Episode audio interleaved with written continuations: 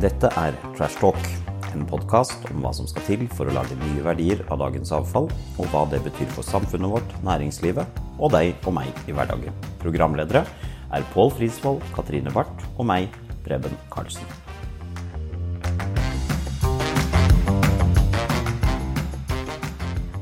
I første episode møttes Pål, Katrine og meg på en trapp under Arendalsuka for å snakke litt eh, trash. Vi eh, tok opp et ganske stort spørsmål eh, som vi snakker altfor lite om, nemlig hvordan verden ser ut når vi har fått til sirkulærøkonomien.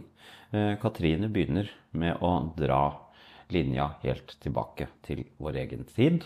Velkommen til den første pilotepisoden av Flash Talk.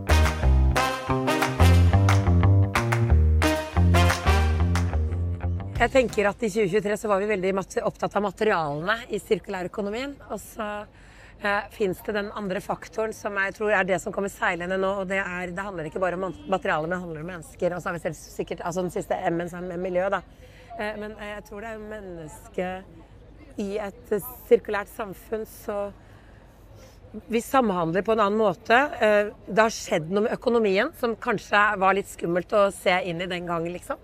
Uh, hva er det egentlig som skjer når vi går fra kjøp og selg og prut og, til liksom bytte dele og, og en, en, økonomi hvor Jeg vet ikke hvordan det kommer til å bli. Er det butikker? Jeg har liksom ikke begynt å liksom, Denne regnjakka har vart i 15 mm. år. Ja, mm. og det var lurt. Jeg tror jo at vi mennesker er jo veldig omstillingsdyktige. Mm. Og at vi har vist at vi er i stand til det. Mm. Men vi går sjelden til å tenke på hvordan forandringen har skjedd. Mm.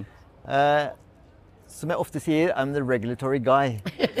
eh, disse reguleringene som nå kommer, det har vi jo sett på mange andre områder hvor vi har fikset problemene. Mm. Altså alt som går på mattrygghet, alt som går på sikkerhet for luftfarten. Altså alle disse områdene. Der har man fått inn et regelverk som gjør at markedsaktørene endrer atferd. Og da er vi forbrukere egentlig veldig happy. Mm. Og den smerten er egentlig mye lavere enn den vi tror. Så eh, Preben, ditt spørsmål er godt. Jeg tror at det kommer til å gå veldig smertefritt. Og vi vil leve veldig lykkelig og uvitende om at vi har foretatt denne totale omstillingen av vår økonomiske modell. Vi blir, vi blir rett og slett lurt over i det, vi vanlige mennesker. Men hvordan, hva blir vi lurt over i? Det er det jeg lurer på. Uh, eh, Fins det butikker, Katrine? Altså når jeg skal på en, på en klesbutikk, f.eks i en sirkulær verden. Hvordan eh, fortoner det seg for meg? Jeg aner ikke. Jeg tror det kommer noe nytt som vi ikke vet hva er. Det er som sier, altså Før og etter et paradigme. Mm. Og når vi ser oss tilbake, så husker vi ikke hvordan det var å ha blyantspisser på pulten, liksom. Mm. Uh, jeg satt her og prøvde å, i sommer og prøvde å liksom lære meg det økonom... Hva heter det? Politisk økonomi, økonomisk Altså politikk. Så når Adam Smith kommer og lager liksom The Wealth of Nations, så tenker jeg at dette må jeg lære meg. For en gang hadde vi noe som var før dette. Altså er det den der at du gikk fra å ha markedsplasser til markedssystemer. så før så du bytta en ku mot fem poteter, og det var greit. Mm. Og så har man liksom gått inn i valuta. Så er vi, jeg syns det er helt sprøtt at vi digitaliserer alt som har med penger å gjøre.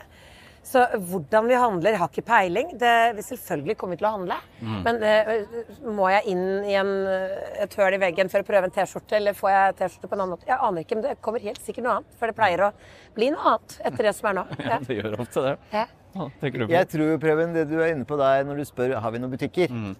så tror jeg det konseptet butikk blir kanskje litt endret. Mm. mm. Eh, du kan ta eksempelet med Airbnb. I dag så er vi liksom Hæ, har ikke det eksistert før? Mm. Vi tar det som en selvfølge. Mm.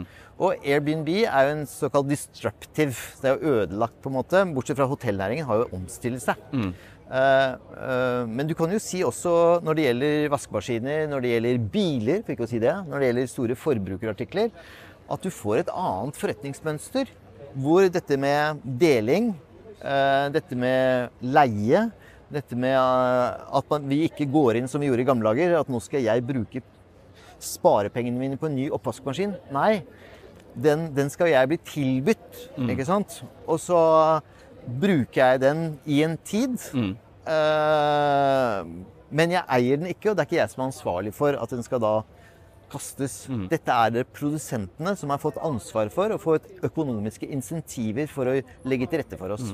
Jeg syns det er irriterende at man hele tiden må ha så mye øh, funksjonalitet f.eks. hjemme øh, knyttet til ting man egentlig ikke er interessert i. Eh, Et kjøkken f.eks. For, for meg. eh, Store deler av det kjøkkenet kunne jeg godt vært foruten, bare jeg hadde hatt tilgang til mat. eh, Som jeg egentlig helst slapp å lage selv. Eh, Jeg liker det ikke, men jeg liker å spise det. Eh, Men jeg må ha en diger sånn kjøkkenøy fullt av stæsj og ovner og ditt og datt. Eh, Kan man gjøre om det i en eh, fremtidig sirkulærøkonomi? Selvfølgelig En kan gang så hadde man ikke innlagt vann eh, Mm. til kjøkken eller do. Altså det, at, at, at alt er i endring. Men det er litt gøy å si. altså Oppvaskmaskinen har ikke forandret seg på 50 år. Og der kan vi, liksom, kan vi begynne å se på den på en annen måte. Mm. Eh, var sånn med skipsbord hadde ikke forandret seg på 50 år. Plutselig så begynte man med helt andre kontrollersystemer. Det forandra hele skipsskroget. Mm. Så, så det er et eller annet systemiske som jeg liker med det. At vi vet ikke hva Som sier 'jeg trenger mat tre ganger om dagen'. Um, kanskje har vi bosystemer hvor vi har felleskjøkken. Alle, alle nye leiebygårder er, ha, har en felleskjøkken i første. Ja, ja. For eksempel. Altså, vi, vi vet ikke hvordan ja. Men det er veldig interessant det du bringer der. Se på dette fenomenet ODA. Mm. De leverer mat. Jeg tror, Preben, i det samfunnet du beskriver som vi skal til, så vil det være helt utenkelig. Mm. De kommer til å levere måltider. ja, det er mye bedre. Ja. Åpenbart. Og, og, og, og dette er Dette må jo altså Vi sier at forbrukerne må etterspørre det. Vel, de må ha produsenter som tilbyr det. Som vekker vår eh, nysgjerrighet, som vekker vår forståelse om at dette blir mye lettere. Allerede i New York i dag så har du masse mattjenester. De kommer hver mandag, snakker med deg. Hva ønsker du å spise? Og så legger du opp en diett, vet du. Og så får du et rikt og godt kosthold fordi at du bruker denne Og det, eh, når de får stordriftsfordeler, så kommer det prisnivået Ja, ja. til å bli veldig lavt. Du tar ned kjøkkenet, jeg vet ikke om vi koster et kjøkken av en halv million. Du kan kjøpe mye mat for det gjennom et liv. Så det er det er stort, stor stue isteden. Kan man ha fester. Ja, det, det jeg tror kommer til Og nettopp den derre Det koster en halv million. Du får ikke gjort en ting på et bad uten en kvart million. Eh, eh, du må jobbe veldig mye for å tjene en kvart og en halv million for å ha det. Det er et eller annet sted Jeg tror det blir spennende når vi ser på eierbegrepet. Da. Skal du, si sier du har spart og spart, så kjøper du noe. Uh, og når vi ikke Den gjør liksom Det er ikke min gressklipper. Den er, det er bare en gress... Det er, det er noe. Vi er så eiendomsorientert. Uh, og der, det er der vi akkumulerer 10% eier 90% og det er jo den kanskje redistribusjon av eh, velferd eh, som jeg tror kan jeg, jeg gleder meg til å se hvor du sier ja, men dette bare gjorde vi si på eh, om ti år. Ja, ja. Fordi at uh, vi måler oss i samfunnet på velferdsgrad. Eh, jeg liker vi går fra BNP til BN happiness, ikke sant? Mm. eh, Så det har du helt rett i, Katrine. Og det er derfor det er et veldig viktig moment å si dette med at dette skjer ikke av seg selv. Ikke sant? Vi har løsningene, vi vet hvor vi vil, men vi må ha noen retningslinjer, og vi må ha noen insentiver, noen med klare krav. Det tror jeg kommer i dag. Så jeg bodde ute på Grimstad hos en venn av meg på en hytte. Så tok vi en liten båttur før vi kjørte inn til eh, kaia. Det ligger altså noen hytter der som er helt tomme. Ikke bare i elleve måneder i året, men antageligvis elleve måneder og to uker. Kjempeverdier ikke sant? som bare er der. Det er kanskje et spesielt marked som du vet masse om, Ja, Preben. I snitt så står en gjennomsnittlig norsk hytte tom 300 døgn i løpet av et år. Ja, riktig. Det- og, og ikke sant? Det, det, det vitner jo om at vi har levet i en tid med utrolig mye velstand. Men vi er også klar over at slik kan vi ikke ha det. Og vi må finne noen løsninger som gjør at vi deler på disse verdiene. Uten at det går på bekostning av vår egen komfort og det som du er inne på. For vi er så, vi er så redde for å ikke eie. Ikke sant? Vi, er så, vi tror at det er farlig når vi ikke er i kontroll, når vi ikke eier. Så det er mye psykologi i det der også. Det er- Og så er det, det er mye organisering av ting, da. Altså sånn, Jeg av alle steder bor i Ullevål Hageby, øh, og der er det små leiligheter. Ja ja, le. Det er greit, dere kan gjøre det høyt. Jeg ser det.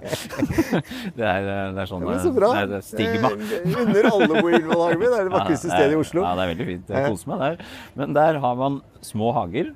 Eh, ingen lagringsplass, omtrent. eh, og man har heller ikke lov til å bygge boder. Det er en grunn til at det ser vakkert ut, og det er at det er strengt regulert alt. Du får ikke gjort, gjort noe som helst. Så det, det er lettvint, da, om ikke annet. Men alle ha hver sin gressklipper, hver sin hekkesaks. Ja, det er jo Altså, helt utrolig. Ja, Is, det er og det bruker vi da lagringsplassen vår på, istedenfor at noen tenkte at den gata her er bare en sånn fellesstasjon hvor man kan gå og plukke dette. Og derfor er, unnskyld meg, men derfor er Jernia på Ullevål eh, stadion Ja. den største butikken. For alle går dit og Ja, ja. kjøper hver sin gressklipper. Ja, sånn driver vi på. Men Jernia burde forstå at uh, nå skal vi ta høyde for den neste generasjon uh, borgere som Mm. vil leve annerledes og endre sin For er det opp til Jerna, eller er det opp til beboerne Det er og borettslagsstrukturen, altså det er så mange sånne aktører. Dere har jo makt der til å Har dere ikke det? Til å organisere Det er mulig. Det er et spesielt miljø der oppe, så den Det er er nok litt begrensa.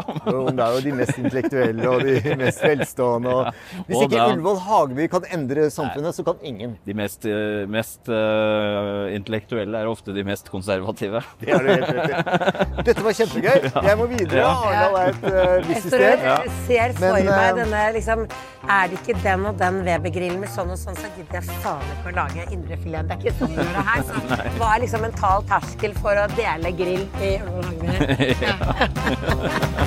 Det, det finner vi ut i fremtida. Takk for at du hørte på denne lille trash-talken vår. Vi syns det var gøy å snakke sammen, men det gjør vi alltid, og vi vet ikke helt om det er gøy å høre på. Derfor blir vi veldig glad for tilbakemeldinger på om vi bør fortsette eh, konseptet vårt, eh, og selvsagt hva slags temaer vi skal ta opp i episode for episode. Vi blir også veldig glad hvis vi får tips til gjester, for dette konseptet her eh, skal vi ikke sitte og, og drodle om på egen hånd. Vi skal trekke inn de flinkeste i klassen for å lære av de, eh, sånn at vi sammen kan bli klokere. eh, For å finne ut av svar på dette store, vanskelige spørsmålet om hvordan vi kan skape morgendagens verdier av dagens avfall. Takk for nå.